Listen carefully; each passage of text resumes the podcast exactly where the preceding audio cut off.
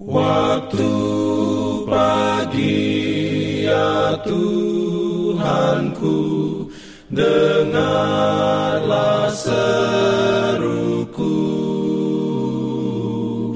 Melayang doa yang sungguh Memandang padamu. Selamat pagi pendengar Radio Advent Suara Pengharapan Mari mendengarkan suara Tuhan melalui tulisan pena inspirasi bersama Allah di waktu fajar.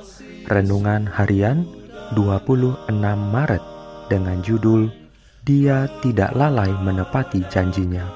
Ayat inti diambil dari 2 Petrus 3 ayat 9. Firman Tuhan berbunyi, Tuhan tidak lalai menepati janjinya Sekalipun ada orang yang menganggapnya sebagai kelalaian, tetapi ia sabar terhadap kamu, karena ia menghendaki supaya jangan ada yang binasa, melainkan supaya semua orang berbalik dan bertobat.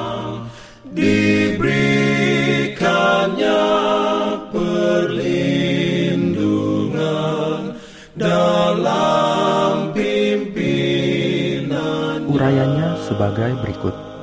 Dengan banyaknya janji Alkitab di hadapanmu, apakah engkau masih dapat memberikan tempat untuk keraguan?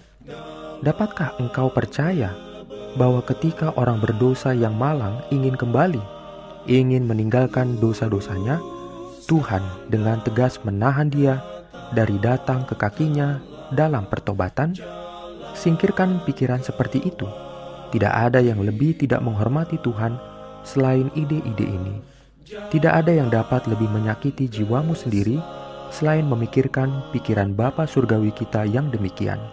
Seluruh kehidupan kerohanian kita akan menangkap nada keputusasaan dari konsep Tuhan seperti itu. Mereka menghalangi semua upaya untuk mencari Tuhan atau untuk melayani Dia. Kita tidak harus memikirkan Tuhan hanya sebagai hakim yang siap menjatuhkan hukuman terhadap kita dia membenci dosa, tetapi dari kasih kepada orang-orang berdosa, dia memberikan dirinya sendiri di dalam pribadi Kristus agar semua yang mau diselamatkan dan memiliki berkat kekal dalam kerajaan kemuliaan.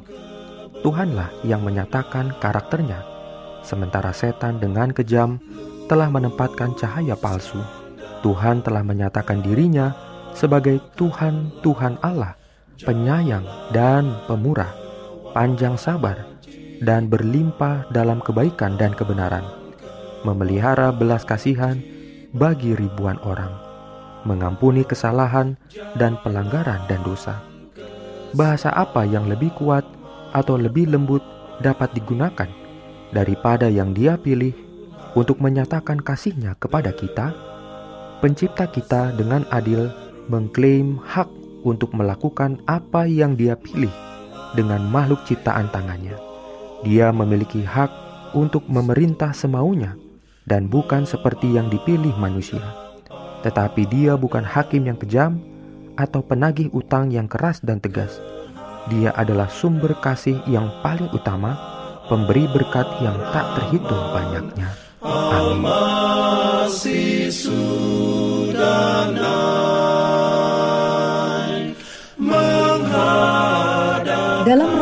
35 tahun pelayanan AWR Indonesia, kami mengumpulkan kisah dan kesaksian pendengar terkait siaran kami.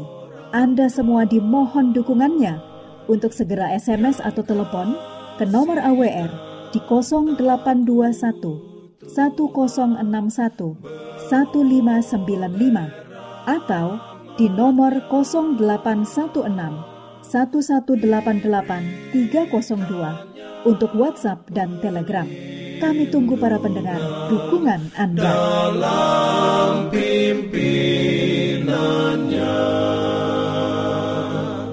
pimpin aku. Jangan lupa untuk melanjutkan bacaan Alkitab sedunia.